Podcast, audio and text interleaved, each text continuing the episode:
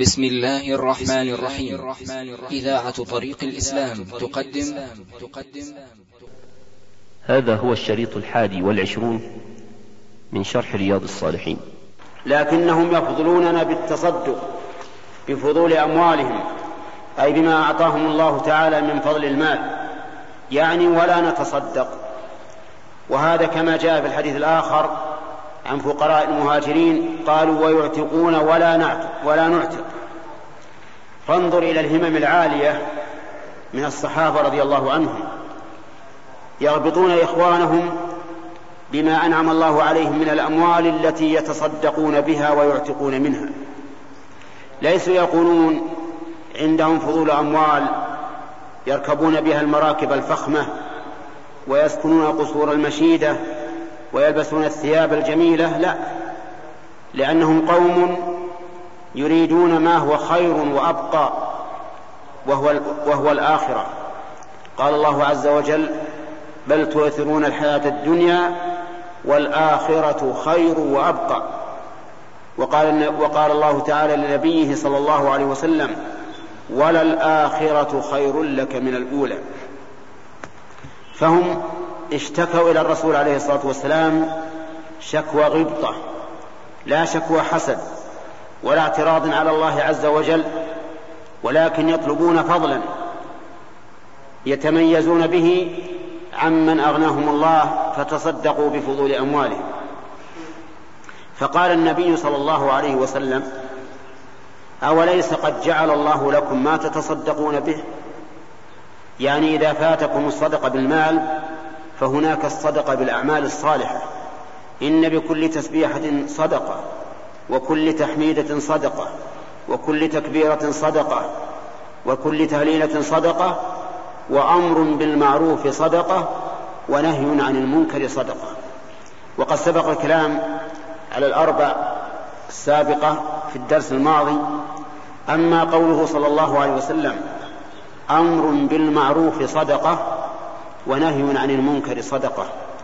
فإن الأمر بالمعروف والنهي عن المنكر من أفضل الصدقات لأن هذا هو الذي فضل الله به هذه الأمة على غيرها. فقال كنتم خير أمة أخرجت للناس تأمرون بالمعروف وتنهون عن المنكر وتؤمنون بالله. ولكن لا بد للأمر بالمعروف والنهي عن المنكر من شروط. الشرط الأول أن يكون الآمر الناهي عالما بحكم الشرع. فإن كان جاهلا فإنه لا يجوز أن يتكلم لأن الآمر بالمعروف والنهي عن المنكر يأمر بما يعتقد الناس أنه شرع الله وليس له أن يتكلم في شرع الله بما لا يعلم. لأن الله حرم ذلك بنص القرآن. فقال تعالى قل إنما حرم ربي الفواحش ما ظهر منها وما بطن والإثم والبغي بغير الحق وأن تشركوا بالله ما لم ينزل به سلطانا وأن تقولوا على الله ما لا تعلمون. فمن فمن منكرات الأمور أن يتكلم الإنسان عن شيء يقول إنه معروف وهو لا يدري أنه معروف. أو أنه منكر أو إنه منكر وهو لا يدري أنه منكر. الشرط الثاني أن يكون عالما بأن المخاطب قد ترك المأمور أو فعل المحظور. فإن كان لا يدري فإنه لا يجوز له أن يفعل لأنه حينئذ يكون قد قفى ما ليس له به علم. وقد قال الله تعالى ولا تقف ما ليس لك به علم إن السمع والبصر والفؤاد كل أولئك كان عنه مسؤولا. يوجد بعض الناس الذين عندهم غيرة وحرص على الأمر بالمعروف والنهي عن المنكر يتسرعون فينكرون من غير أن يعلموا الحال التي عليها المخاطب. مثلا يجد إنسانا معه امرأة في السوق فيتكلم عليه. ليش تمشي مع المرأة؟ وهو لا يدري أنها محرم له. هذا خطأ. خطأ عظيم. إذا كان إذا كنت في شك فاسأله قبل أن تتكلم.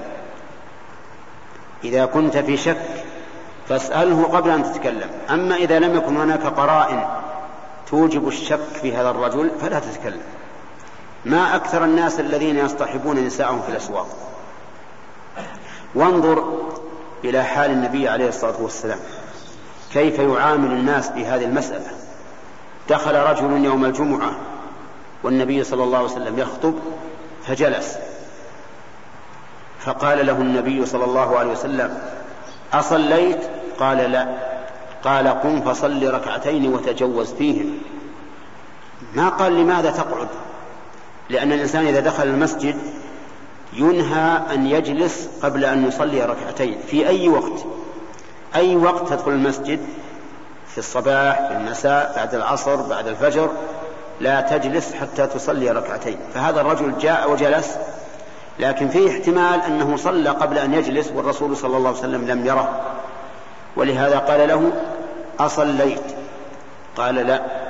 قال قم فصل ركعتين وتجوز فيهما. يعني لا خفف. فهنا لم يأمر أن يقوم فيصلي حتى سأله. وهذه هي الحكمة. الشرط الثالث من شروط الأمر بالمعروف والنهي عن المنكر أن لا يترتب على على النهي عن المنكر ما هو أنكر منه. فإن ترتب على ذلك ما هو أنكر منه فإنه لا يجوز. من باب درء أعلى المفسدتين بأدناهما فلو فرض أن شخصا وجدناه على منكر وليكن شرب الدخان مثلا. لكن لو نهيناه عن شرب الدخان ذهب يشرب الخمر. فإننا لا ننهاه إذا كنا نعلم أن هذا الرجل يشرب إما هذا أو هذا فإننا لا ننهاه عن شرب الدخان. لماذا؟ لأن شرب الدخان أهون من شرب الخمر. ولهذا قال الله تعالى يعني دليل هذه المسألة قول الله تعالى ولا تسبوا الذين يدعون من دون الله فيسبوا الله عدوا بغير علم. فسب آلهة المشركين مصلحة مشروع لكن إذا ترتب عليه سب الله عز وجل وهو أهل للثناء والمجد فإنه ينهى عنه ينهى عنه. ولهذا قال الرسول عليه الصلاة والسلام لعن الله من لعن والديه. قالوا كيف يلعن الإنسان والديه؟ قال يسب أبا الرجل فيسب أباه. يقال ويسب أمه فيسب أمه. فالحاصل أنه لا بد أن لا يتضمن الإنكار ما ما هو أنكر من المنكر. درءا لأعلى المفسدتين بأدناهما. ثم إنه يجب على آمر بالمعروف والنهي عن المنكر أن ينوي بهذا إصلاح الخلق لا الانتصار عليهم لأن من الناس من يأمر بالمعروف وينهى عن المنكر لينفذ سلطته وينتصر لنفسه وهذا نقص كبير.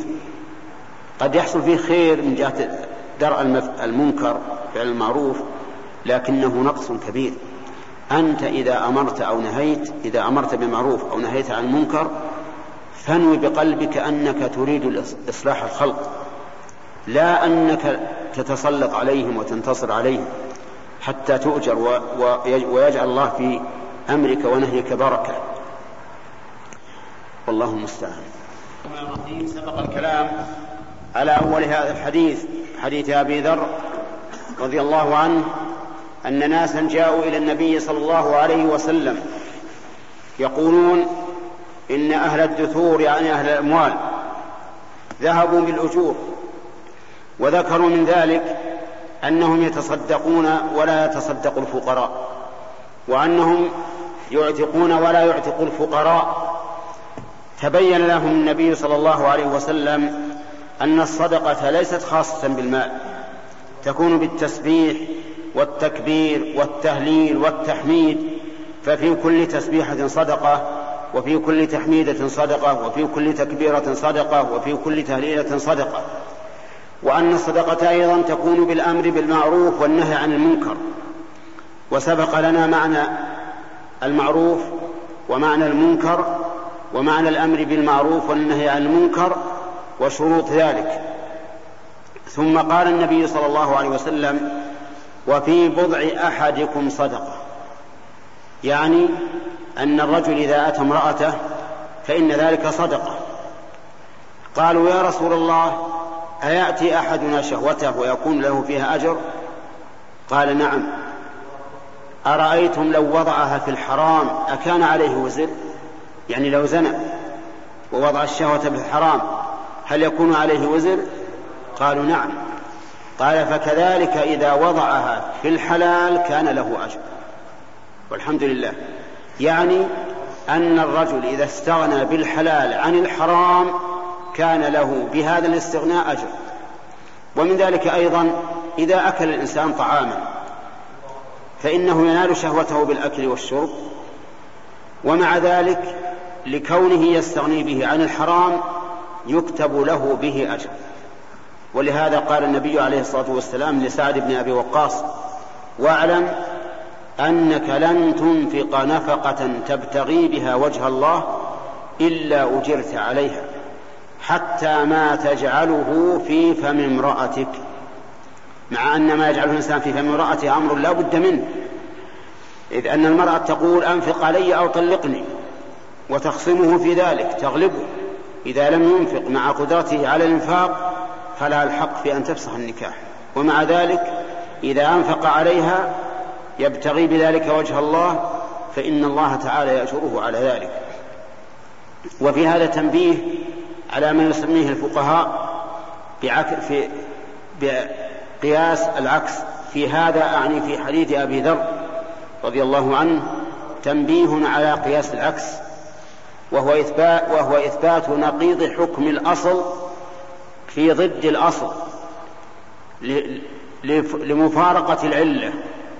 فهنا العلة في كون الإنسان يؤجر إذا أتى أهله هو أنه وضعها في حلال وضع شهوته في حلال. نقيض هذه العلة إذا وضع شهوته في حرام فإنه. فإنه يعاقب على ذلك. وهذا ما يسمى عند العلماء بقياس العكس لأن القياس أنواع. قياس علة وقياس دلالة وقياس شبه وقياس عكس. والله الموفق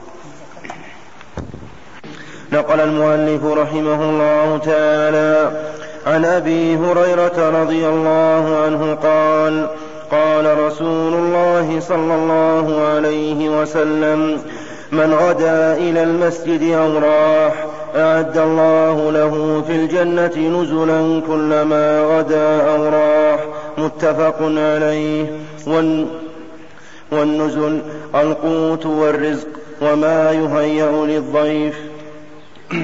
وعن أبي هريرة رضي الله عنه قال قال رسول الله صلى الله عليه وسلم يا نساء المسلمات لا تحقرن جارة لجارتها ولو فرس نشأت متفق عليه. قال الجوهري الفرسن الفرسن الفرسن من البعير كالحافر من الدابة. قال وربما وربما استعير في استعير في الشاة.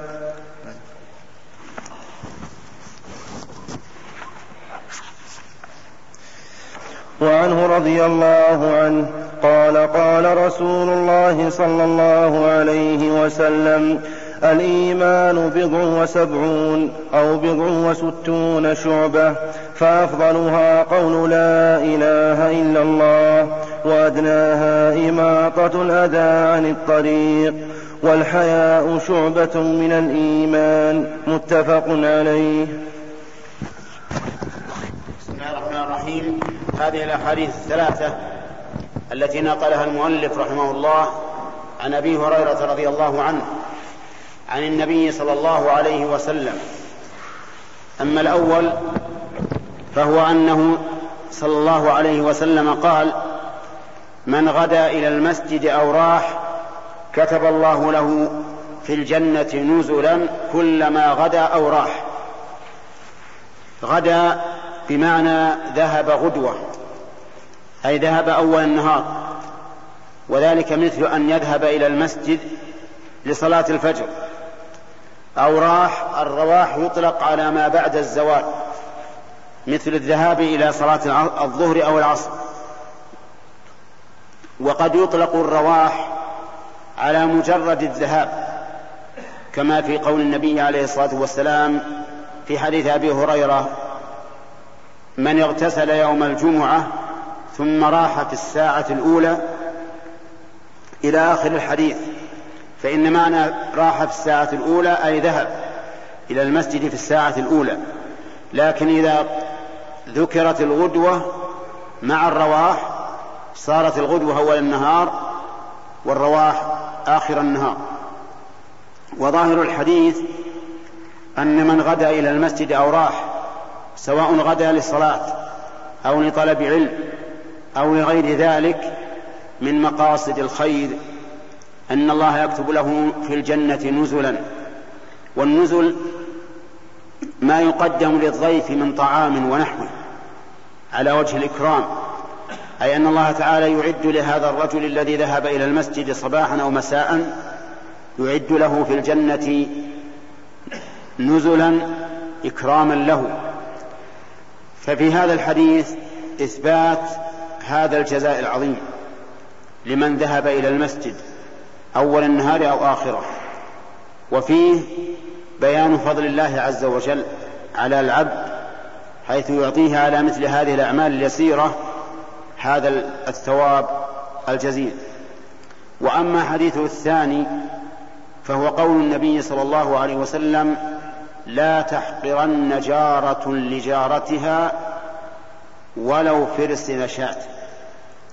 يعني أن الرسول عليه الصلاة والسلام في هذا الحديث حث على الهدية للجار للجار ولو شيئا قليلا. قال ولو فرس نشأت. الفرس ما يكون في ظلف الشاة وهو شيء بسيط زهيد. كأن النبي عليه الصلاة والسلام يقول لا تحقرن شيئا لا تحقرن من المعروف شيئا ولو قل.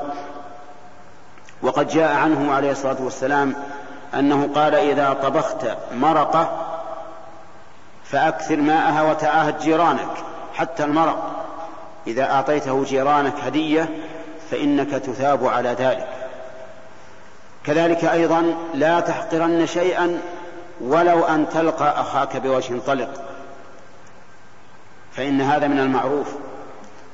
إذا لم تلقى أخاك بوجه معبس مكفهر بل بوجه منطلق منشرح فإن هذا من الخير ومن المعروف لأن أخاك إذا واجهته بهذه المواجهة يدخل عليه السرور ويفرح.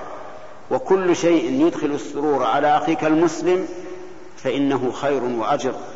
وكل شيء تغيظ به الكافر فإنه خير وأجر.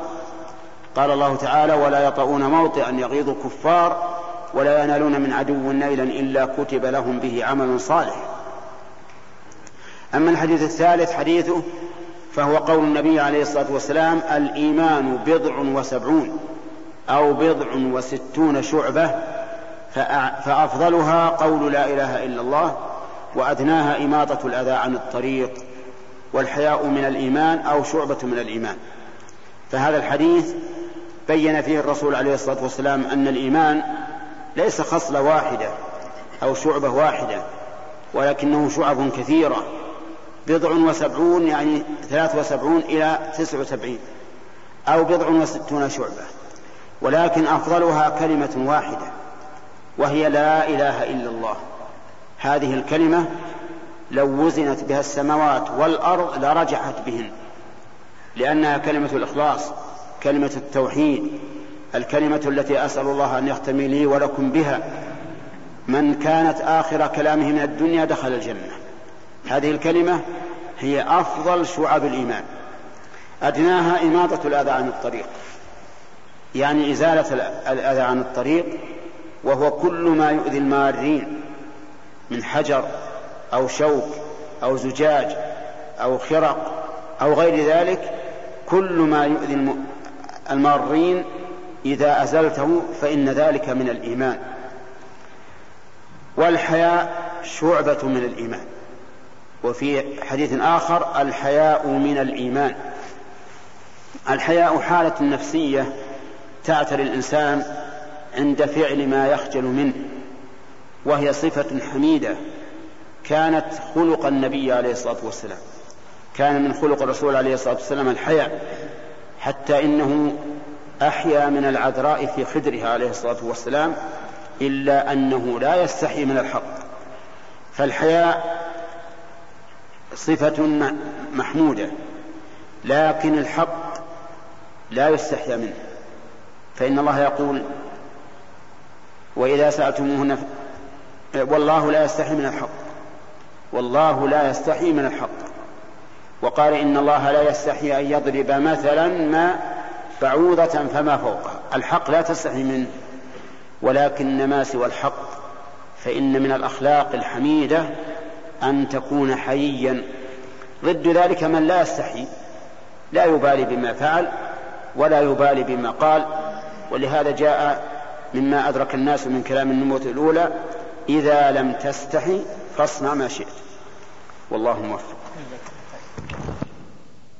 نقل المؤلف رحمه الله تعالى عن أبي هريرة رضي الله عنه أن رسول الله صلى الله عليه وسلم قال بينما رجل يمشي بطريق اشتد عليه العطش فوجد بئرا فنزل فيها فشرب ثم خرج فإذا كلب يلهث يأكل الثرى من العطش فقال الرجل لقد بلغ هذا الكلب من العطش مثل الذي كان قد بلغ مني فنزل البئر فملا خفه ماء ثم أمسكه بفيه حتى رقي فسقى الكلب فشكر الله له فغفر له.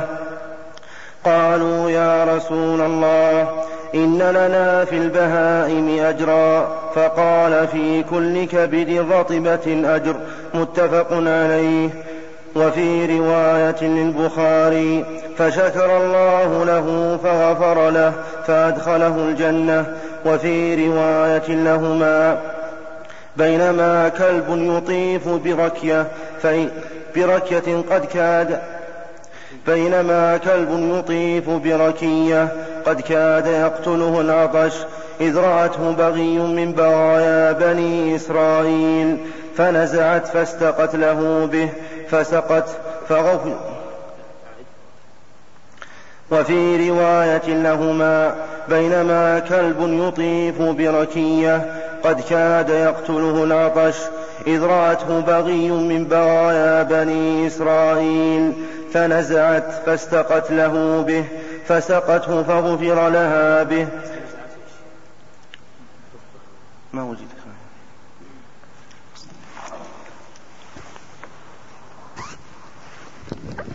بسم الله الرحمن الرحيم.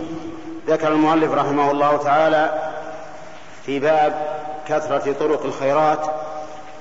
هذه القصة الغريبة. التي رواها أبو هريرة رضي الله عنه عن النبي صلى الله عليه وسلم بينما رجل يمشي في الطريق مسافرا أصابه العطش فنزل بئرا فشرب منه وانتهى عطشه فلما خرج وإذا كلب يأكل الثرى من العطش يأكل الثرى يعني الطين المبتل الرطب يأكله من العطش من أجل أن يمص ما فيه من الماء من شدة عطشه. فقال الرجل والله لقد أصاب هذا العطش هذا الكلب من العطش ما أصابني أو بلغ بهذا الكلب من العطش ما بلغ بي. ثم نزل البئر وملأ خفه ماء. الخف ما يلبس على الرجل من جلود ونحوها فملأه ماء فأمسكه بفيه وجعل يصعد بيديه حتى خرج من البئر فسقى الكلب. فلما سقى الكلب شكر الله له ذلك العمل وغفر له وأدخله الجنة بسببه. وهذا مصداق قول النبي عليه الصلاة والسلام الجنة أقرب إلى أحدكم من شراك نعله والنار مثل ذلك. عمل يسير شكر الله للعامل هذا العمل وغفر له الذنوب وأدخله الجنة. ولما حدث الصحابة حدث الصحابة بهذا الحديث وكانوا رضي الله عنهم أشد الناس حرصا على العلم لا من أجل أن يعلموا فقط ولكن من أجل أن يعلموا فيعملوا. سألوا النبي عليه الصلاة والسلام قالوا يا رسول الله لنا في, الح... في الحيوان أجر؟ قال في كل ذات كبد رطبة أجر. لأن هذا كلب من البهائم. فكيف يكون لهذا الرجل الذي سقاه هذا الأجر العظيم؟ هل لنا في البهائم من أجر؟ قال في كل ذات كبد رطبة أجر. الكبد الرطبة تحتاج إلى الماء لأنها لولا الماء ليبست وهلك الحيوان. إذا نأخذ من هذا قاعدة. وهي أن الرسول عليه الصلاة والسلام إذا قص علينا قصة من بني إسرائيل فهو من أجل أن نعتبر بها وأن نأخذ منها عبرة. وهذا كما قال الله عز وجل لقد كان في قصصهم عبرة لأولي الألباب وفي رواية أخرى ولعلها قصة أخرى أن امرأة بغيا من بغايا بني إسرائيل بغيا يعني أنها تمارس الزنا والعياذ بالله من البغايا. رأت كلبا يطيف بركية يعني يدور عليها عطشان لكن لا يمكن أن يصل إلى الماء لأنها ركية بئر. فنزعت يعني من هذا البئر فسقت الكلب فغفر الله لها. وهذه قصة ثانية. فدل هذا على أن البهائم فيها أجر. كل بهيمة أحسنت إليها بسقي أو إطعام أو أو وقاية من حر أو وقاية من برد سواء كانت لك أو لغيرك من بني آدم أو كانت من السوائب فإن لك في ذلك أجرا عند الله عز وجل. هذا وهم وهن بهائم. فكيف بالآدميين؟ إذا أحسنت إلى الآدميين صار أشد وأكثر أجرا. ولهذا قال النبي عليه الصلاة والسلام من سقى مسلما على ظمأ سقاه الله من الرحيق المختوم يلا من فضلك. يعني لو كان ولدك الصغير وقف عند البرادة يقول أبي ماء وأسقيته وهو ظمآن فقد سقيت مسلما على ظمأ فإن الله يسقيك من الرحيق المختوم. أجر كثير ولله الحمد. غنائم. لكن أين القابل لهذه الغنائم؟ أين الذي يخلص النية ويحتسب الأجر على الله عز وجل؟ فأوصيك يا أخي ونفسي أن تحرص دائما على اغتنام الأعمال بالنية الصالحة. حتى تكون لك ذخرا عند الله عز وجل يوم القيامة. كم من عمل بالنية صار كبيرا وكم من عمل بالغفلة كبير لكنه يكون صغيرا. والله موفق. نقل المؤلف رحمه الله تعالى عن أبي هريرة رضي الله عنه عن النبي صلى الله عليه وسلم قال لقد رأيت رجلا يتقلب في الجنة في شجرة قطعها من ظهر الطريق كانت تؤذي المسلمين. رواه مسلم. وفي رواية مر رجل بغصن شجرة على ظهر طريق فقال والله لأنحين هذا عن المسلمين لا يؤذيهم فأدخل الجنة. وفي رواية لهما بينما رجل يمشي بطريق وجد غصن شوك على الطريق فأخره فشكر الله له فغفر له. وعنه رضي الله عنه قال بسم الله الرحمن الرحيم. قال المؤلف رحمه الله تعالى فيما نقله عن أبي هريرة رضي الله عنه عن النبي صلى الله عليه وسلم أنه قال رأيت رجلا يتقلب في الجنة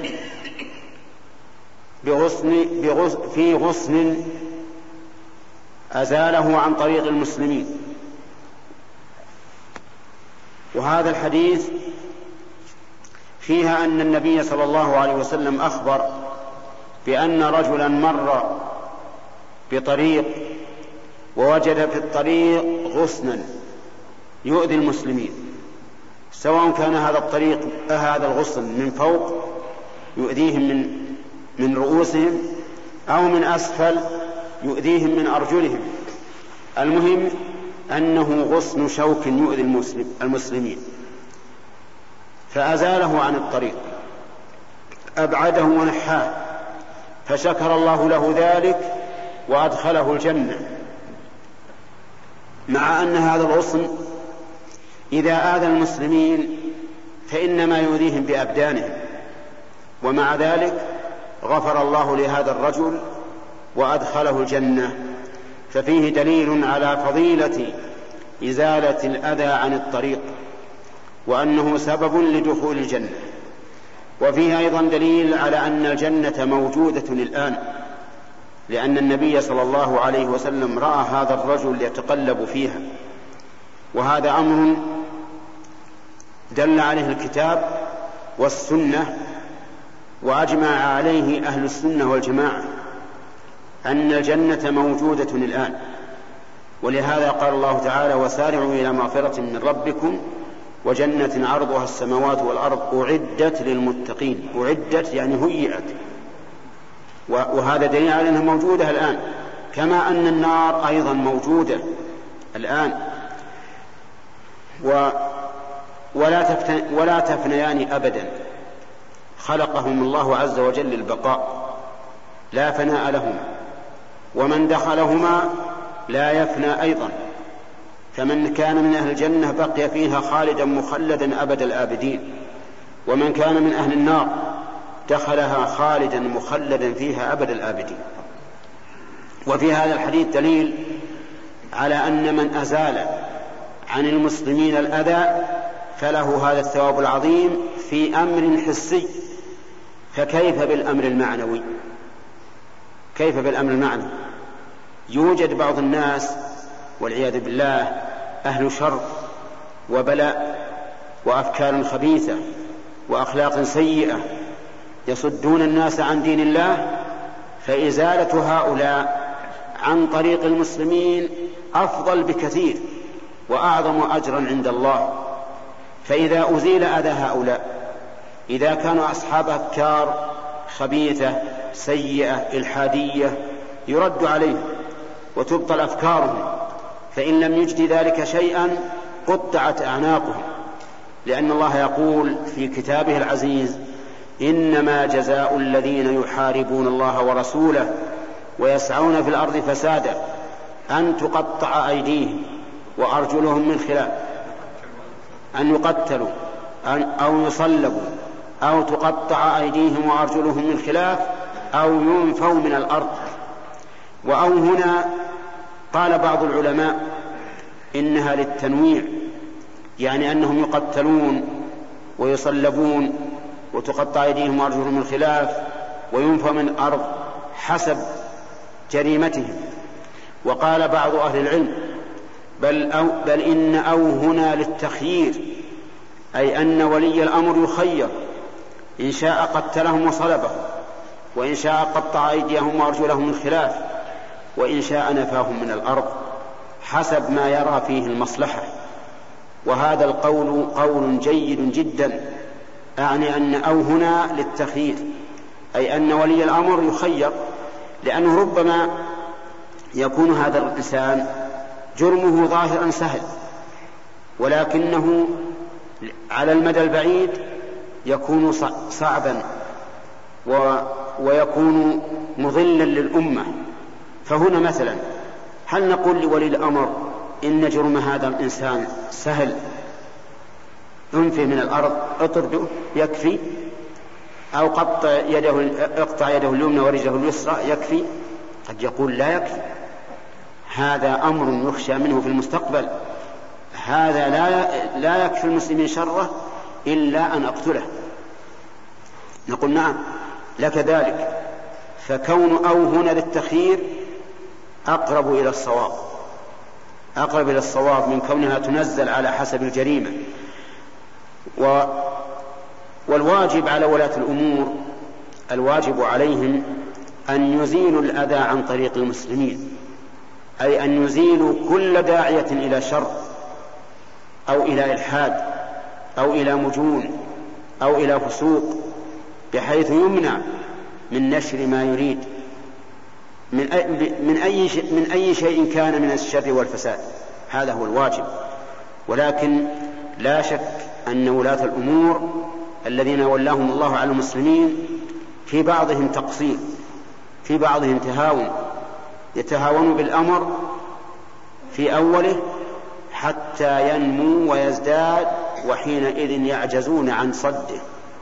فالواجب أن يقابل الشر من أول أمره بقطع دابره حتى لا ينتشر ولا يضل الناس به. المهم أن إزالة الأذى عن الطريق الطريق الحسي طريق الأقدام. والطريق المعنوي طريق القلوب والعمل إزالة الأذى عن هذا الطريق وهذا الطريق كله مما يقرب إلى الله. وإزالة الطريق وإزالة الأذى عن الطريق طريق القلوب والعمل الصالح أشد أجرا وأعظم أجرا وأشد إلحاحا من إزالة الأذى عن عن طريق الأقدام. والله موفق. نقل المؤلف رحمه الله تعالى عن أبي هريرة رضي الله عنه قال قال رسول الله صلى الله عليه وسلم من توضأ فأحسن الوضوء ثم أتى الجمعة فاستمع, فاستمع وأنصت غفر له ما بينه وبين الجمعة وزيادة ثلاثة أيام. ومن مس الحصى فقد لغى رواه مسلم. قال رحمه الله تعالى فيما نقله عن أبي هريرة رضي الله عنه أن النبي صلى الله عليه وسلم قال من توضأ يوم الجمعة فأحسن الوضوء ثم استمع فأنصت فإنه يغفر له ما بين الجمعة إلى الجمعة وفضل ثلاثة وفضل ثلاثة أيام. ومن مس الحصى فقد لغى. هذا فيه دليل على أن الحضور إلى الجمعة بعد أن يحسن الإنسان وضوءه ثم يستمع إلى الخطيب وهو يخطب وينصت فإنه يغفر له ما بين الجمعة إلى الجمعة وفضل ثلاثة أيام. وهذا عمل يسير. ليس فيه مشقة على الإنسان أن يتوضأ ويحضر إلى الجمعة وينصت لخطبة الإمام حتى يفرغ. وقوله في هذا الحديث من توضأ لا يعارض ما ثبت في الصحيحين وغيرهما عن أبي سعيد الخدري رضي الله عنه أن النبي صلى الله عليه وسلم قال غسل الجمعة واجب على كل محتلم فإن هذا الحديث الثاني فيه زيادة على الحديث الأول فيؤخذ بها كما أنه أيضا أصح منه فإنه أخرجه الأئمة السبعة وهذا لم يخرجه إلا مسلم. فيجب أولا على من أراد حضور الجمعة أن يغتسل وجوبا فإن لم يفعل كان آثما ولكن الجمعة تصح لأن هذا الغسل ليس عن جنابة حتى نقول إن الجمعة لا تصح بل وغسل واجب كغيره من الواجبات إذا تركه الإنسان أثم وإن فعله أثيب ويدل على أنه ليس شرطا لصحة الصلاة وإنما هو واجب أن أمير المؤمنين عثمان بن عفان دخل ذات يوم وأمير المؤمنين عمر بن الخطاب يخطب الناس يوم الجمعة. فقال له أمير المؤمنين عمر يسأله لماذا تأخر؟ فقال والله يا أمير المؤمنين ما زدت على أن توضأت ثم أتيت يعني كأنه شغل رضي الله عنه ولم يتمكن من الحضور من الحضور مبكرا. قال ما زدت على أن توضأت ثم أتيت. فقال عمر وهو على المنبر والناس يسمعون. قال لأمير المؤمنين عثمان قال والوضوء أيضا. وقد قال النبي صلى الله عليه وسلم إذا أتى أحدكم الجمعة فليغتسل. يعني كيف تقتصر على الوضوء؟ وقد قال النبي صلى الله عليه وسلم إذا أتى أحدكم الجمعة فليغتسل. فأمر بالاغتسال لمن أتى الجمعة. ولكن لم يقل له اذهب فاغتسل لأنه لو ذهب واغتسل فربما تفوته الجمعة التي من أجلها وجب الغسل فيضيع الأصل وإلى إلى الفرع. فالحاصل أن هذا الحديث وإن كان لا يدل على وجوب الاغتسال لكن فيه أحاديث أخرى تدل على وجوب الاغتسال. وفي هذا الحديث دليل على فضيلة الاستماع إلى الخطبة والإنصات. الاستماع أن يرعاها سمعه والإنصات أن لا يتكلم. هذا هذا الفرق بينهما. فيستمع ويتابع بسمعه كلام الخطيب ولا يتكلم. وقد ثبت عن النبي عليه الصلاة والسلام أن الذي يتكلم يوم الجمعة والإمام يخطب كمثل الحمار يحمل أسفارا. الحمار أبلد الحيوانات يحمل أسفارا يعني كتبا. هل ينتفع الحمار إذا حمل الكتب بالكتب؟ لا. اذا هذا الذي حضر لم ينتفع بالخطبة لأنه تكلم. قال والذي يقول له أنصت سكته فقد لغى. ومعنى لغى فاته أجر الجمعة. فالمسألة خطيرة. ولهذا قال هنا ومن مس الحصى فقد لغى. أي حصى هذا؟ كان في عهد الرسول صلى الله عليه وسلم المسجد يفرش بالحصبة. الحصى الصغار كبر العبس أو أكبر قليلا وقل يفرش بها. بدل عن الرمل وبدل عن الفرش التي نفرشها الآن فكان بعض الناس ربما يعبث بالحصى يحركها بيده أو يمسحها بيده أو ما أشبه ذلك فقال من مس الحصى فقد لغى لأن مس الحصى يلهيه عن استماع الخطبة. ومن لغى فلا جمعة له يعني يحرم أجر ثواب الجمعة الذي فضلت به هذه الأمة على غيرها. وإذا كان هذا في مس الحصى فكذلك أيضا الذي يعبث بغير مس الحصى. مثل الذي يعبث بتحريك القلم أو الساعة أو ما أشبه ذلك. أو المروحة أيضا يهف هكذا إلا لحاجة. أو الذي يعبث بالسواك أيضا يتسوك والإمام يخطب إلا لحاجة. مثل لو جاءه النوم النعاس وصار يتسوك ليطرد النعاس عنه فهذا لا بأس به لأنه لمصلحة استماع الخطبة. وقد سئلنا عن الرجل يخطب يكتب ما يستمعه في الخطبة لأن بعض الناس ينسى نساء فيقول أنا كل ما مرت علي جملة مفيدة أكتبها هل يجوز أو لا؟ فالظاهر أنه لا, لا يجوز. الظاهر أنه لا يجوز لأن هذا إذا اشتغل بالكتابة تلهى عما يأتي بعدها لأن الإنسان ليس له قلب قلبان. فإذا جعل يشتغل بالكتابة تلهى عما يقوله الخطيب أثناء كتابته لما سبق. ولكن الحمد لله الآن قد جعل الله للناس ما يريحهم. جاءت هذه المسجلات تحضر المسجل وتسجل الخطبة براحة وتستمعها في بيتك أو في سيارتك على راحة. والله نقل المؤلف رحمه الله تعالى عن أبي هريرة رضي الله عنه أن رسول الله صلى الله عليه وسلم قال إذا توضأ العبد المسلم أو المؤمن فغسل وجهه خرج من وجهه كل خطيئة نظر إليها بعينيه مع الماء أو مع آخر قطر الماء فإذا غسل يديه خرج من يديه كل خطيئة كان بط كان بطش كان بطشتها يداه مع الماء أو مع آخر قطر الماء حتى يخرج نقيا من الذنوب. فإذا غسل رجليه خرجت كل خطيئة مستها رجلاه مع الماء.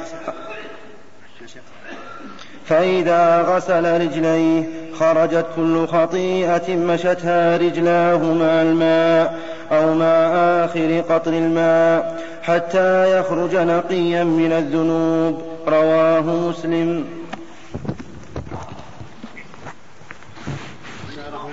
قال المؤلف رحمه الله فيما نقله عن أبي هريرة رضي الله عنه في فضائل الوضوء. الوضوء الذي أمر الله به في كتابه في قوله تعالى يا أيها الذين آمنوا إذا قمتم إلى الصلاة فاغسلوا وجوهكم وأيديكم إلى المرافق وامسحوا برؤوسكم وأرجلكم إلى الكعبين. هذا الوضوء تطهر فيه هذه الأعضاء الأربعة الوجه واليدان والرأس والرجلان.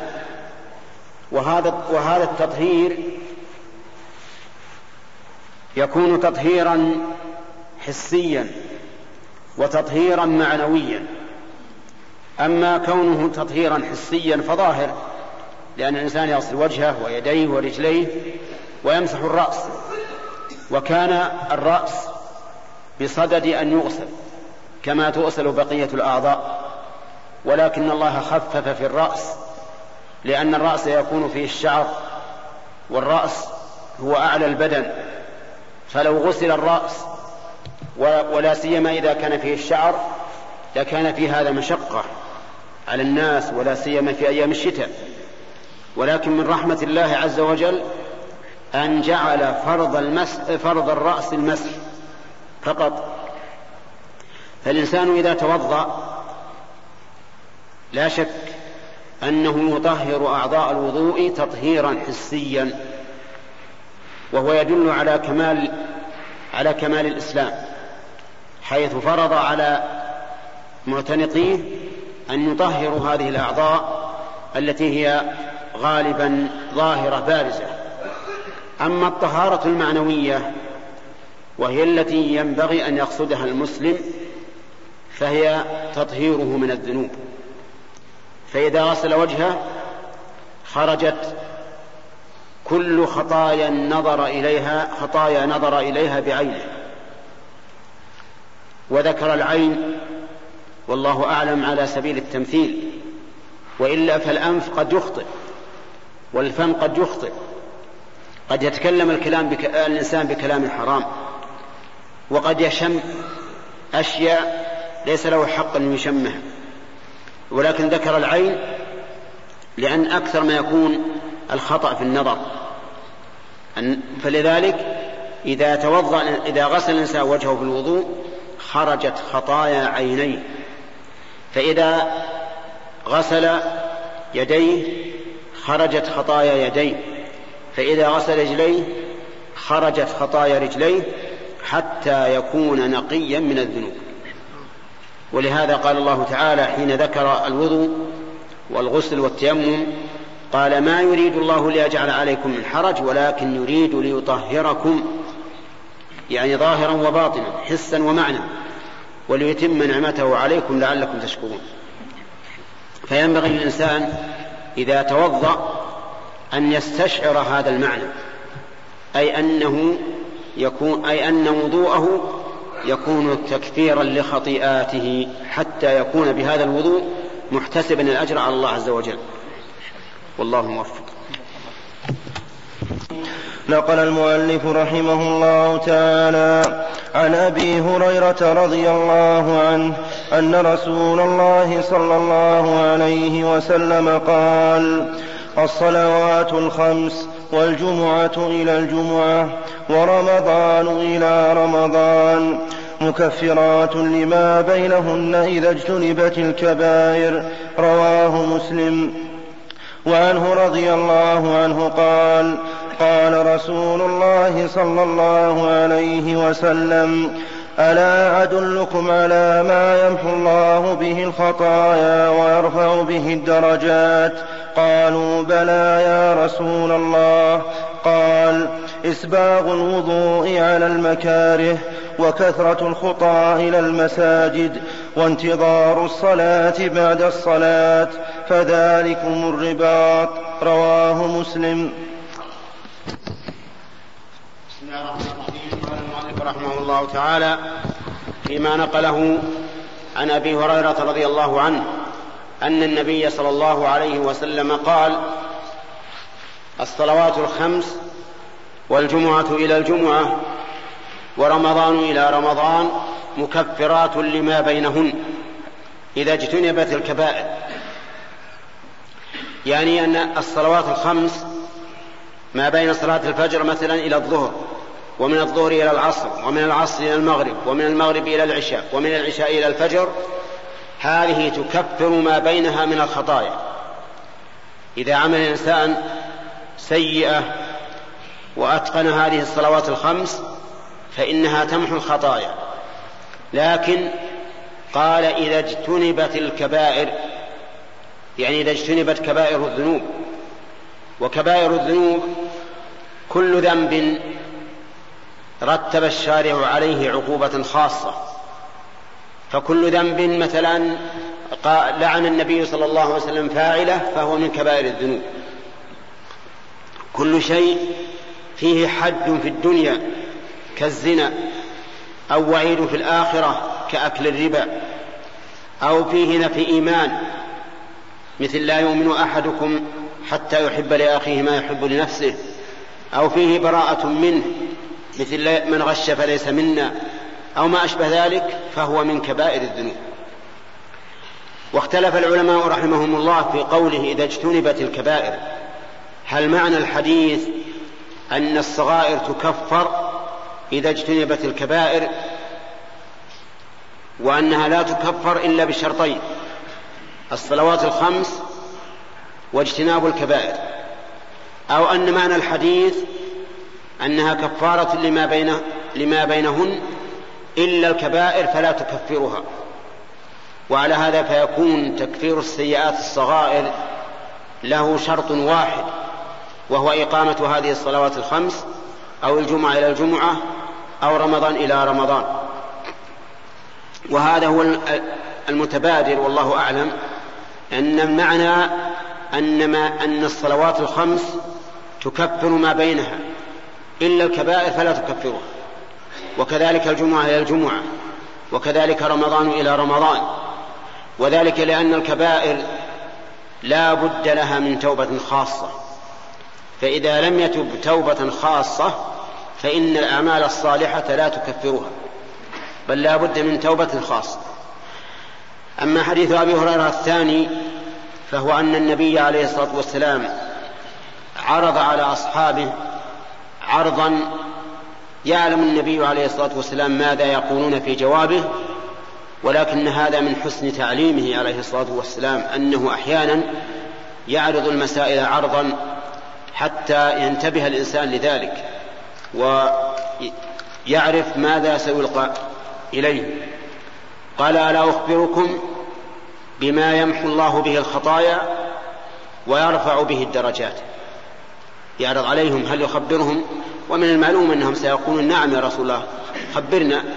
لكنه عليه الصلاة والسلام اتخذ هذه الصيغة وهذا الأسلوب من أجل أن ينتبهوا لما يلقى اليهم قالوا بلى يا رسول الله يعني أخبرنا فإننا نود أن تخبرنا بما يرفع الله به الدرجات ويمحو, به الخطايا.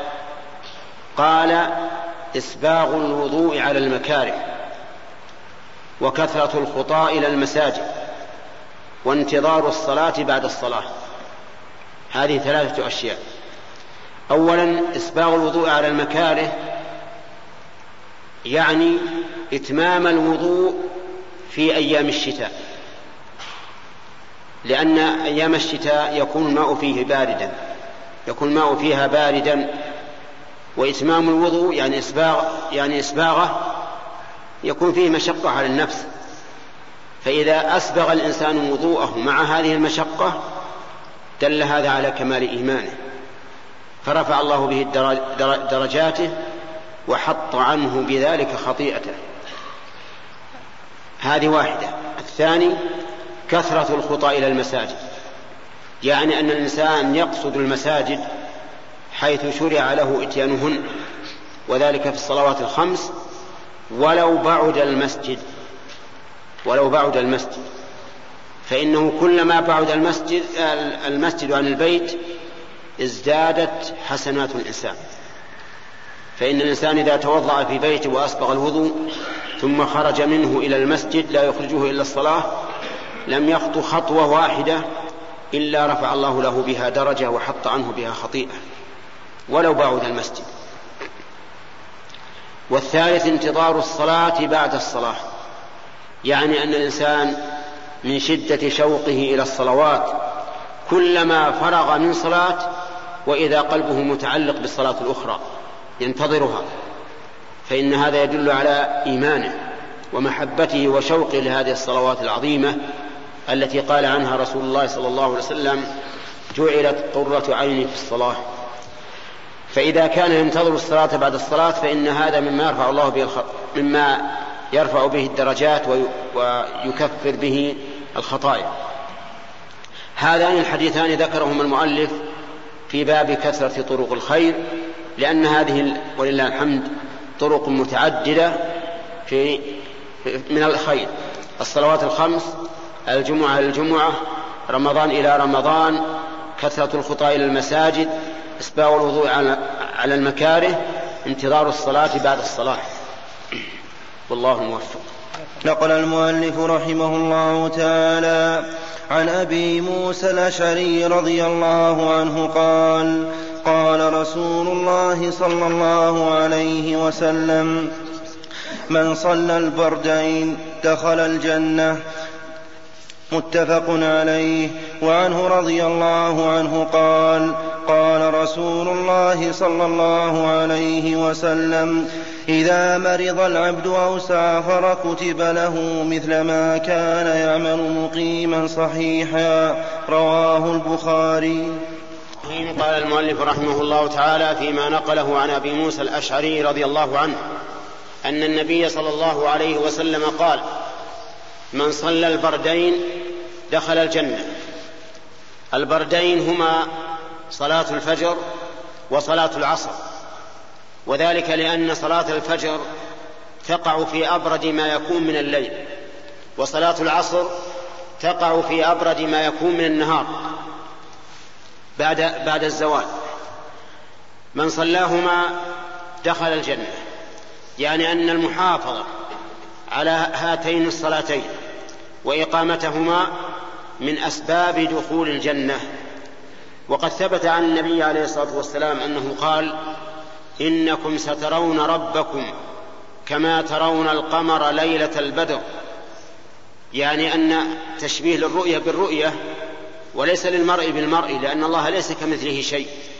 ولكنكم ترونه رؤية حقيقية مؤكدة كما يرى الإنسان القمر ليلة البدر.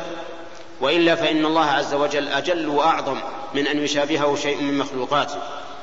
ثم قال صلى الله عليه وسلم في آخر الحديث فإن استطعتم ألا تغلبوا على صلاة قبل طلوع الشمس وصلاة قبل غروبها فافعلوا يعني بالتي قبل طلوع الشمس الفجر والتي قبل غروبها العصر. فهاتان الصلاتان هما أفضل الصلوات وأفضلهما صلاة العصر. لأنها هي الصلاة الوسطى التي قال الله عنها حافظوا على الصلوات والصلاة الوسطى وقوموا لله قانتين. فإنه قد صح عن النبي صلى الله عليه وسلم أنه قال في غزوة الأحزاب إنهم يعني الأحزاب شغلونا عن الصلاة الوسطى صلاة العصر. وهذا نص صريح من رسول الله صلى الله عليه وسلم أن الصلاة الوسطى هي صلاة العصر. وقوله عليه الصلاة والسلام من صلى البردين المراد صلاهما على الوجه الذي أمر به وذلك بأن يأتي بهما في الوقت وإذا كان من أصحاب الجماعة كالرجال فليأتي بهما بالجماعة لأن الجماعة واجبة. لا يحل لرجل أن يدع صلاة الجماعة في المسجد وهو قادر عليها.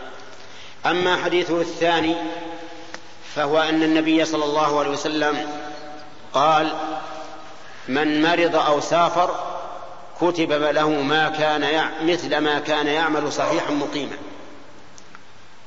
يعني أن الإنسان إذا كان من عادته أن يعمل عملا صالحا ثم مرض فلم فلم يقدر عليه فإنه يكتب له الأجر كاملا. والحمد لله على نعمه. لو كنت مثلا من عادتك أن تصلي مع الجماعة ثم مرضت ولم تستطع أن تصلي مع الجماعة فكأنك مصل مع الجماعة. يكتب لك سبع وعشرون درجة. ولو سافرت وكان من عادتك وأنت مقيم في البلد أن تصلي نوافل وأن تقرأ قرآنا وأن تسبح وتهلل وتكبر ولكنك لما سافرت انشغلت بالسفر عن هذا فإنه يكتب لك ما كنت تعمله في البلد مقيما. مثلا لو سافرت وصليت وحدك في البر ليس عندك أحد. فإنه يكتب لك أجر صلاة الجماعة كاملة. إذا كنت في حال الإقامة تصلي مع الجماعة. وفي هذا تنبيه على أنه ينبغي للعاقل ما دام في حال الصحة والفراغ أن يحرص على الأعمال الصالحة حتى إذا عجز عنها لمرض أو شغل كتبت له كاملة. اغتنم الصحة اغتنم الفراغ اعمل.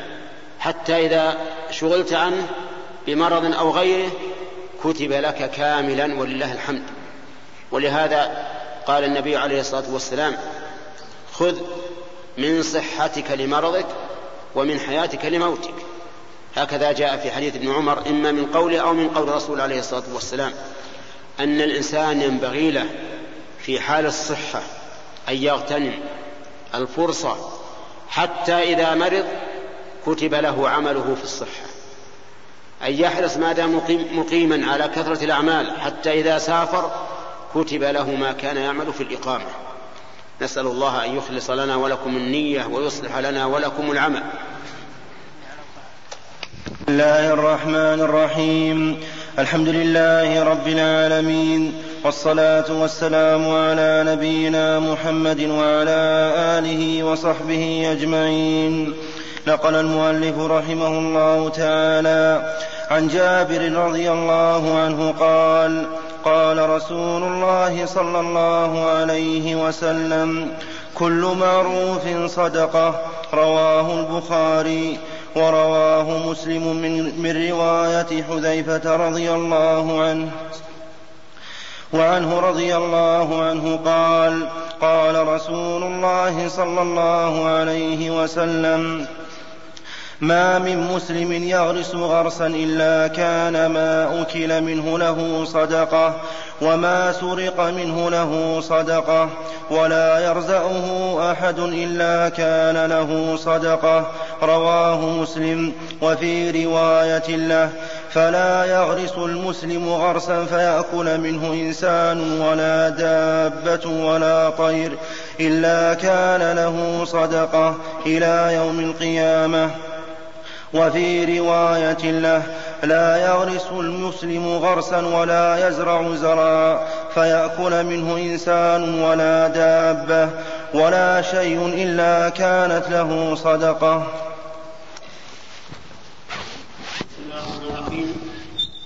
قال المؤلف رحمه الله تعالى فيما نقله في باب كثرة طرق الخيرات. عن جابر بن عبد الله رضي الله عنهما أن النبي صلى الله عليه وسلم قال كل معروف صدقة. كل معروف.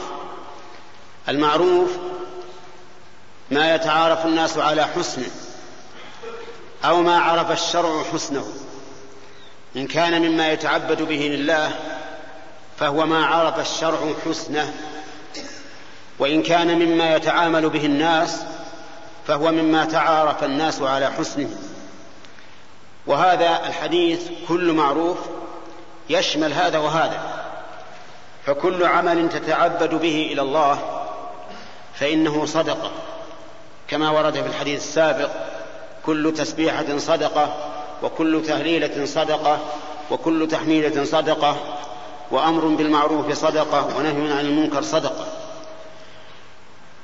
وأما ما يتعارف الناس على حسنه فهو أيضا ما يتعلق بالمعاملة بين الناس. فكل ما تعارف الناس على حسنه فهو معروف. مثل الإحسان إلى الخلق بالمال أو بالجاه أو بغير ذلك من, من, من أنواع الإحسان. ومن ذلك أن تلقى أخاك بوجه طلق لا بوجه عبوس. وأن تلين, تلين له القلب آه القول. وأن تدخل عليه السرور. ولهذا قال العلماء رحمهم الله إن من الخير إذا عاد الإنسان مريضا أن يدخل عليه السرور ويقول أنت في عافية. وإذا كان الأمر على خلاف ما قال يعني أن المريض أشد مرضا مما سبق فليقل أنت في عافية ناويا أنه في عافية أحسن ممن هو دون منه ممن هو دونه. لأن إدخال السرور على المريض سبب للشفاء. ولهذا تجد أن الإنسان إذا كان مريضا مرضا عاديا صغيرا إذا قال له الإنسان والله الحمد لله هذا شيء بسيط وهذا شيء لا يضر استر بذلك ونسي المرض. ونسيان المرض سبب لشفائه. وكون الإنسان يعلق قلبه بالمرض سبب لبقائه. وأضرب مثلا لذلك برجل مثلا فيه جرح تجد أنه إذا تلهى بحاجات أخرى لا يحس بألم الجرح. لكن إذا تفرغ ثم حط باله للجرح أحس بألمه انظر مثل إلى الحمالين الذين يحملون الأشياء على السيارات وينزلونها. أحيانا يسقط على قدمه شيء فيجرحه. ما دام ما دام يحمل لاهي لا يشعر به ولا يحس به فإذا فرغ أحس به وتألم. إذا فغفلة المريض عن المرض وإدخال السرور عليه وتأميله بأن الله عز وجل يشفيه هذا خير ينسيه المرض. وربما كان سببا للشفاء. إذا كل معروف صدقة. لو أن أحدا إلى جنبك رأيته رأيته محترا رأيت العرق يتصبب منه فروحت عليه بالمروحة فإنه يكون له صدقة. صدقة لأنه معروف. لو قابلت الضيوف بالانبساط وتعجيل الضيافة لهم وما أشبه ذلك فهذا صدقة انظر إلى إبراهيم عليه الصلاة والسلام لما جاءه جاءته الملائكة ضيوفا. ماذا صنع؟ قالوا سلاما. قالوا سل... قال سلام. سلام. قال العلماء وقول إبراهيم سلام أبلغ من قول الملائكة سلاما. لأن لأن قول الملائكة سلاما يعني نسلم سلاما وهي جملة فعلية تدل على التجدد والحدوث. وقوله وقول إبراهيم سلام جملة اسمية تدل على الثبوت والاستمرار فهي أبلغ. وماذا صنع عليه الصلاة والسلام؟ راغ إلى أهله فجاء بعجل سمين راغ. قال العلماء معناه انصرف مسرعا بخفية. شوف كيف حسن الضيافة مسرعا لئلا يعوقه. بخفية لئلا يمنعوه. لئلا يقول لا انتظر ما نريد شيئا. فراغ إلى أهله. فجاء بعجل سمين. وفي الآية الأخرى بعجل حنيذ. حنيذ يعني مشويا. ومعلوم أن اللحم المشوي أطعم من اللحم المطبوخ لأن طعمه يكون باقيا فيه.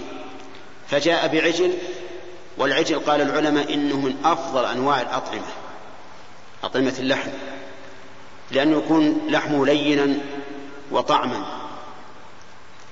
فجاء بعجل حنيذ أين وضعه؟ قربه إليه. ما وضعه في مكان بعيد يقول روح تغدى أو تعشى. قربه إليه. ثم ماذا قال؟ لم يقل كلوا. قال ألا تأكلون. وألا أداة عرض. يعني عرض عليهم. ما أمرهم؟ قال ألا تأكلون. ولكن الملائكة ما أكلوا. لماذا؟ لأن الملائكة لا يأكلون. الملائكة ما لهم أجواف ما لهم كروش ولا أمعاء ولا أكباد. خلقهم الله من نور جسدا واحدا جثة واحدة جسدا واحدا. ليس لهم أمعاء ولا أكباد ولا كروش ولا شيء. لا يأكلون.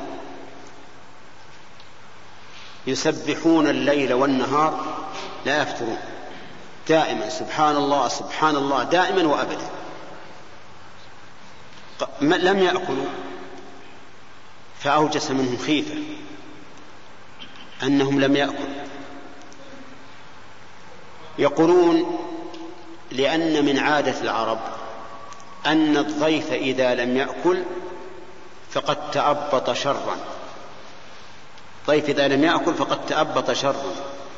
ولهذا إلى الآن عادة عندنا إذا جاء الضيف ولا أكل قالوا مالح يعني ذق من من طعامه فإذا لم يمالح قالوا هذا الرجل قد نوى بنا شرا. نكرهم وأوجس منهم خيفة قالوا لا تخف. ثم بينوا له الأمر قالوا لا تخف وبشروه بغلام عليم. وكان قد كبر. وكانت امرأته قد كبرت. فأقبلت امرأته لما سمعت البشرى في صرة في صيحة. فصكت وجهها عجبا وقالت عجوز عقيم.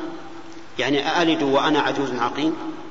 قالت الملائكة كذلك قال ربك. الرب عز وجل يفعل ما يشاء. إذا أراد شيئا قال له كن فيكون. إنه هو الحكيم العليم. هنا قدم الحكيم على العليم. وفي آيات كثيرة يقدم العليم على الحكيم. السبب لأن هذه المسألة كونها تلد وهي عجوز خرجت عن نظائرها ما له نظير إلا نادرا فبدأوا بالحكيم الدال على الحكمة. يعني الله حكيم أن أن تلدي وأنت عجوز المهم أن إبراهيم عليه الصلاة والسلام قد ضرب المثل في حسن الضيافة وحسن الضيافة من المعروف. نعم من المعروف. إذا كل معروف كل معروف صدقة. سو في الناس خير ومعروف واعلم أن هذه صدقة. تثاب عليها ثواب الصدقة. والله موفق. نقل المؤلف رحمه الله تعالى عن جابر رضي الله عنه قال قال رسول الله صلى الله عليه وسلم ما من مسلم يغرس غرسا إلا كان ما أكل منه له صدقة. وما سرق منه له صدقه ولا يرزعه احد الا كان له صدقه رواه مسلم وفي روايه له فلا يغرس المسلم غرسا فياكل منه انسان ولا دابه ولا طير الا كان له صدقه إلى يوم القيامه وفي روايه له لا يغرس, لا يغرس المسلم غرسا ولا يزرع زرعا فيأكل منه إنسان ولا دابة ولا شيء إلا كانت له صدقة. رحمه الله تعالى في باب كثرة طرق الخيرات.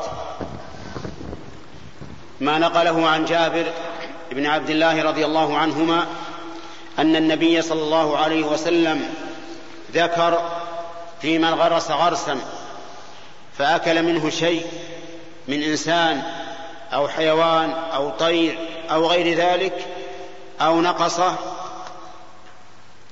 فإنه أو سرق منه فإنه له صدقة. فيها ففي هذا الحديث حث على الزرع وعلى الغرس وأن الزرع والغرس فيه خير كثير. فيه مصلحة في الدين ومصلحة في الدنيا. أما مصلحة الدنيا فهو ما يحصل منه من إنتاج. ومصلحته أي مصلحة الغرس والزرع ليست كمصلحة الدراهم والنقود. لأن الزرع والغرس ينفع نفس الزارع والغارس وينفع البلد كله. كل البلد ينتفعون منه بشراء الثمر وشراء الحب والأكل منه ويكون في هذا إخصاب للمجتمع وكثرة لخيراته. بخلاف الدراهم الدراهم تودع في الصناديق ولا ينتفع بها أحد لكن الغرس والزرع ينتفع به أهل البلد وينتفع به نفس الزارع والغارس. كذلك أما المنافع الدنيا الدينية فإنه إن أكل منه طير عصفور أو حمامة أو دجاجة أو غيرها ولو حبة واحدة فإن له فإنه له صدقة. سواء شاء ذلك أم لم يشاء حتى لو فرض أن الإنسان حين غرس أو حين زرع لم يكن بباله هذا الأمر فإنه إذا أكل منه صار له صدقة. أعجب من ذلك لو سرق منه سارق. جاء شخص مثلا إلى نخلي وسرق منه تمرا. فإن لي في ذلك أجرا. مع أني لو علمت بهذا السارق لرافعته إلى المحكمة. ومع ذلك فإن الله تعالى يكتب لي بهذه السرقة صدقة إلى يوم القيامة. كذلك أيضا ما, ما حصل فيه من شيء يسقط على الأرض فيأكل منه الذر والخشاش إلا كان لصاحبه صدقة. ففي هذا الحديث دلالة واضحة على حث النبي عليه الصلاة والسلام على الزرع وعلى الغرس لما فيه من المصلحة الدينية والمصالح الدنيوية. وفيه دليل على كثرة طرق الخير وأن من انتفع به الناس من الخير فإن, فإن لصاحبه أجرا وله فيه خير سواء نوى أم لم ينوي وهذا كقوله تعالى لا خير في كثير من نجواهم إلا من أمر بصدقة أو معروف أو إصلاح بين الناس ومن يفعل ذلك ابتغاء مرضات الله فسوف نؤتيه أجرا عظيما. فذكر الله سبحانه وتعالى أن هذه الأشياء فيها خير سواء نويت أو ما نويت. من أمر بصدقة فهو خير أو معروف فهو خير أو أصلح بين الناس فهو خير. نوى أم لم ينوي فإن نوى بذلك ابتغاء وجه الله فالله يقول فسوف نؤتيه أجرا عظيما. وفي هذا دليل على أن المصالح والمنافع إذا انتفع الناس بها كانت خيرا لصاحبها وأجرا وإن لم ينوي فإن نوى زاد خيرا على خير وآتاه الله تعالى من فضله أجرا عظيما.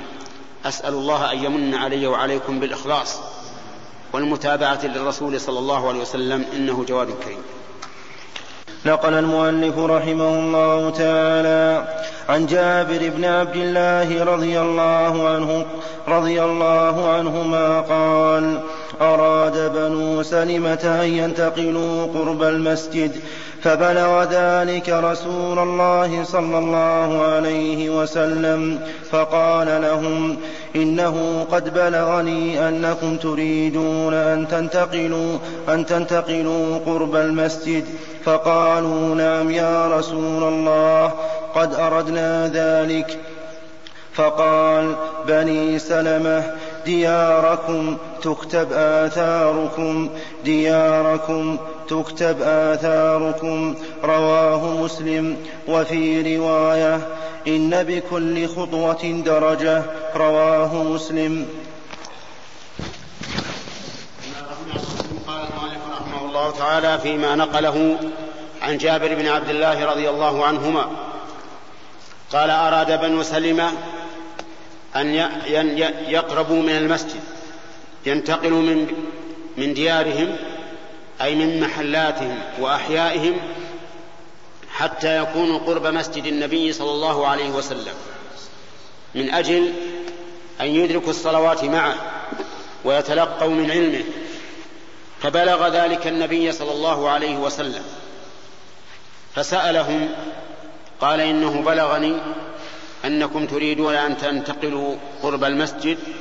قالوا نعم يا رسول الله قد أردنا ذلك.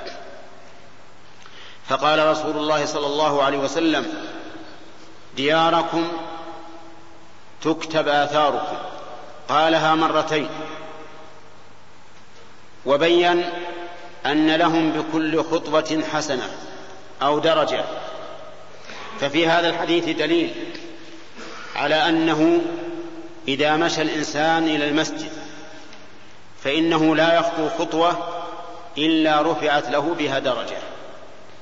وقد جاء ذلك مفسرا في حديث أبي هريرة رضي الله عنه أن النبي صلى الله عليه وسلم قال من توضأ فأسبغ الوضوء ثم خرج من بيته إلى المسجد لا يخرجه إلا الصلاة لم يخطو خطوة واحدة إلا كتب الله له بها درجة وحط عنه بها خطيئة. فيكتسب شيئين الأول أنه يرفع له بها درجة والثاني أنه يحط عنه بها خطيئة. هذا إذا توضأ في بيته وأسبغ الوضوء سواء كان ذلك قليلا يعني سواء كانت الخطوات قليلة أم كثيرة فإنه يكتب له بكل خطوة يرفع له بها درجة ويحط عنه بها خطيئة. وفي هذا الحديث دليل على أنه إذا نقل للإنسان شيء عن أحد فإنه يتثبت قبل أن يحكم بالشيء. ولهذا سأل النبي صلى الله عليه وسلم بني سلمة قبل أن يقول لهم شيئا. قال بلغني أنكم تريدون كذا وكذا. قالوا نعم. فيؤخذ منه ما ذكرت أنه ينبغي للإنسان إذا نقل له شيء أن يتثبت قد قبل أن يحكم بمقتضى هذا الشيء الذي نقل له حتى يكون إنسانا رزينا ثقيلا معتبرا. أما كونه يصدق بكل ما نقل فإنه يفوته بذلك شيء كثير ويحصل له ضرر.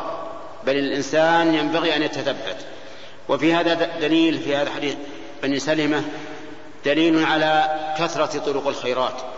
وأن منها المشي إلى المساجد وهو كما سبق مما يرفع الله به الدرجات ويحط به الخطايا فإن كثرة الخطى إلى المساجد سبب لمغفرة الذنوب تكفير السيئات ورفعة الدرجات. والله موفق. نقل المؤلف رحمه الله تعالى عن أبي بن كعب رضي الله عنه قال كان رجل لا أعلم رجلا أبعد من المسجد منه وكان لا تخطئه صلاة فقيل له أو فقلت له لو اشتريت حمارا تركبه في الظلماء وفي الرمضاء. فقال ما يسرني أن منزلي إلى جنب المسجد. إني أريد أن يكتب لي ممشاي إلى المسجد ورجوعي إذا رجعت إلى أهلي. فقال رسول الله صلى الله عليه وسلم قد جمع الله لك ذلك كله رواه مسلم وفي رواية إن لك ما احتسبت. بسم الله الرحمن الرحيم. هذا الحديث يتعلق بما قبله من الأحاديث الدالة على كثرة طرق الخير وأن طرق الخير كثيرة ومنها الذهاب إلى المساجد وكذلك الرجوع منها إذا احتسب الإنسان ذلك عند الله تعالى. فهذا الحديث الذي ذكره المؤلف رحمه الله في قصة الرجل الذي كان له بيت بعيد من المسجد وكان يأتي إلى المسجد من بيته من بعد يحتسب الأجر على الله قادما إلى المسجد وراجعا منه. فقال له بعض الناس لو اشتريت حمارا تركبه في الظلماء والرمضاء يعني في الليل حين الظلام مثل صلاة العشاء وصلاة الفجر أو في الرمضاء في أيام الحر الشديد ولا سيما في الحجاز فإنه حار. فقال رضي الله عنه ما يسرني أن بيتي إلى جنب المسجد. يعني أنه مسرور بكون بيته بعيدا عن المسجد يأتي إلى المسجد بخطى ويرجع منه بخطى وأنه لا يسره أن يكون بيته قريبا من المسجد لأنه إذا كان قريبا لم تكتب له الخطى. وبين أنه يحتسب أجره على الله عز وجل قادما إلى المسجد وراجعا منه. فقال النبي صلى الله عليه وسلم إن له ما احتسب. ففي هذا دليل على أن كثرة الخطى إلى المساجد من طرق الخير وأن الإنسان إذا احتسب الأجر على الله كتب الله له الأجر حال مجيئه إلى المسجد وحال رجوعه منه. ولا شك أن للنية أثرا كبيرا في صحة الأعمال وأثرا كبيرا في ثوابها. وكم من شخصين يصليان جميعا بعضهما إلى جنب بعض ومع ذلك يكون بينهما في الثواب مثل ما بين السماء والأرض وذلك بصلاح النية وحسن العمل. فكلما كان الإنسان أصدق إخلاصا لله وأقوى اتباعا لرسول الله صلى الله عليه وسلم كان أكثر أجرا وأعظم أجرا, أجرا عند الله عز وجل. والله الموفق نقل المؤلف رحمه الله تعالى عن عدي بن حاتم رضي الله عنه قال سمعت النبي صلى الله عليه وسلم يقول اتقوا النار ولو بشق تمرة متفق عليه. وفي رواية لهما عنه قال قال رسول الله صلى الله عليه وسلم ما منكم من أحد إلا سيكلمه ربه ليس بينه ترجمان. فينظر أيمن منه فلا يرى إلا ما قدم وينظر أشأم منه فلا يرى إلا ما قدم. وينظر بين يديه فلا يرى إلا النار تلقاء وجهه فاتقوا النار ولو بشق تمره فمن لم يجد فبكلمة طيبة.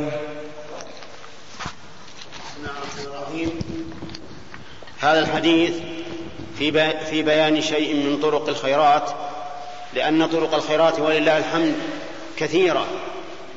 شرعها الله لعباده ليصلوا بها إلى غاية إلى غاية المقاصد. فمن ذلك الصدقة. فإن الصدقة كما صح عن النبي صلى الله عليه وسلم تطفئ الخطيئة كما يطفئ الماء النار. يعني كما أنك لو صببت ماء على نار طفئت فكذلك الصدقة تطفئ الخطيئة. ثم ذكر المؤلف هذا الحديث الذي بين فيه أن الله سبحانه وتعالى سيكلم كل إنسان يكلم كل إنسان على حدة يوم القيامة. قال الله تعالى يا أيها الإنسان إنك كادح إلى ربك كدحا فملاقيه. يعني فسوف تلاقي ربك ويحاسبك على هذا الكدح أي, أي الكد والتعب الذي عملت. ولكن بشرى للمؤمنين. قال الله تعالى واتقوا الله واعلموا أنكم ملاقوه وبشر المؤمنين. الحمد لله. المؤمن إذا لاقى ربه فإنه على خير. ولهذا قال هنا في حديث أن النبي صلى الله عليه وسلم قال ما منكم من أحد إلا سيكلمه ربه ليس بينه وبينه ترجمان. يعني يكلمه الله يوم القيامة بدون مترجم. يكلم الله كل عبد مؤمن. يكلمه عز وجل فيقرره بذنوبه. يقول عملت كذا وكذا في يوم كذا وكذا. فإذا أقر بها وظن أنه قد هلك قال إني قد سترتها عليك في الدنيا وأنا أغفرها لك اليوم. قد سترتها عليك في الدنيا وأنا أغفرها لك اليوم. فكم من ذنوب علينا سترها الله عز وجل. لا يعلمها إلا هو. فإذا كان يوم القيامة أتم علينا النعمة بمغفرتها وعدم العقوبة عليها ولله الحمد. ثم قال فينظر أيمن منه يعني على يمينه فلا يرى إلا ما قدم. وينظر على يساره فلا يرى إلا ما قدم. وينظر تلقاء وجهه فلا يرى إلا النار تلقاء وجهه. قال النبي عليه الصلاة والسلام فاتقوا النار ولو بشق تمرة. يعني لو بنصف تمرة أو أقل. اتق النار بهذا. ففي هذا الحديث دليل على كلام الله عز وجل. وأنه سبحانه وتعالى يتكلم بكلام مسموع مفهوم لا يحتاج إلى ترجمة يعرفه المخاطب به. وفيه دليل على أن الصدقة ولو قلت تنجي من النار لقوله اتقوا النار ولو بشق تمرة. قال فإن لم يجد فبكلمة طيبة يعني إن لم يجد شق تمرة فلي فليتق النار بكلمة طيبة والكلمة الطيبة تشمل قراءة القرآن فإن أطيب الكلمات القرآن الكريم تشمل التسبيح والتهليل والتسميع وكذلك الأمر بالمعروف والنهي عن المنكر وتشمل تعليم العلم وتعلم العلم وتشمل كذلك كل ما يتقرب به الإنسان إلى ربه من القول. يعني إذا لم تجد شق تمرة فإنك تتقي النار ولو بكلمة طيبة. فهذا من طرق الخير ولله الحمد. أن شق التمرة ينجي من النار. أن الكلمة الطيبة تنجي من النار. نسأل الله أن ينجينا وإياكم من النار. نقل المؤلف رحمه الله تعالى عن أنس بن مالك رضي الله عنه قال قال رسول الله صلى الله عليه وسلم إن الله ليرضى عن العبد أن يأكل الأكلة فيحمده عليها أو يشرب الشربة فيحمده عليها. رواه مسلم. والأكلة بفتح الهمزة هي الغدوة أو العشوة.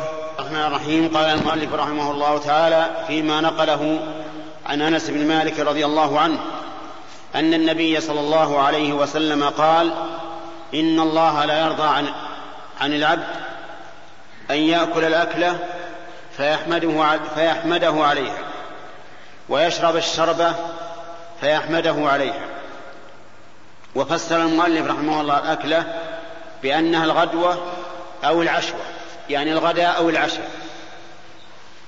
ففي هذا دليل على أن رضا الله عز وجل قد ينال بأدنى سبب قد ينال بهذا السبب اليسير ولله الحمد أن الإنسان إذا انتهى من الأكل قال الحمد لله وإذا انتهى من الشرب قال الحمد لله وذلك أن للأكل والشرب آدابا آدابا فعلية وآدابا قولية.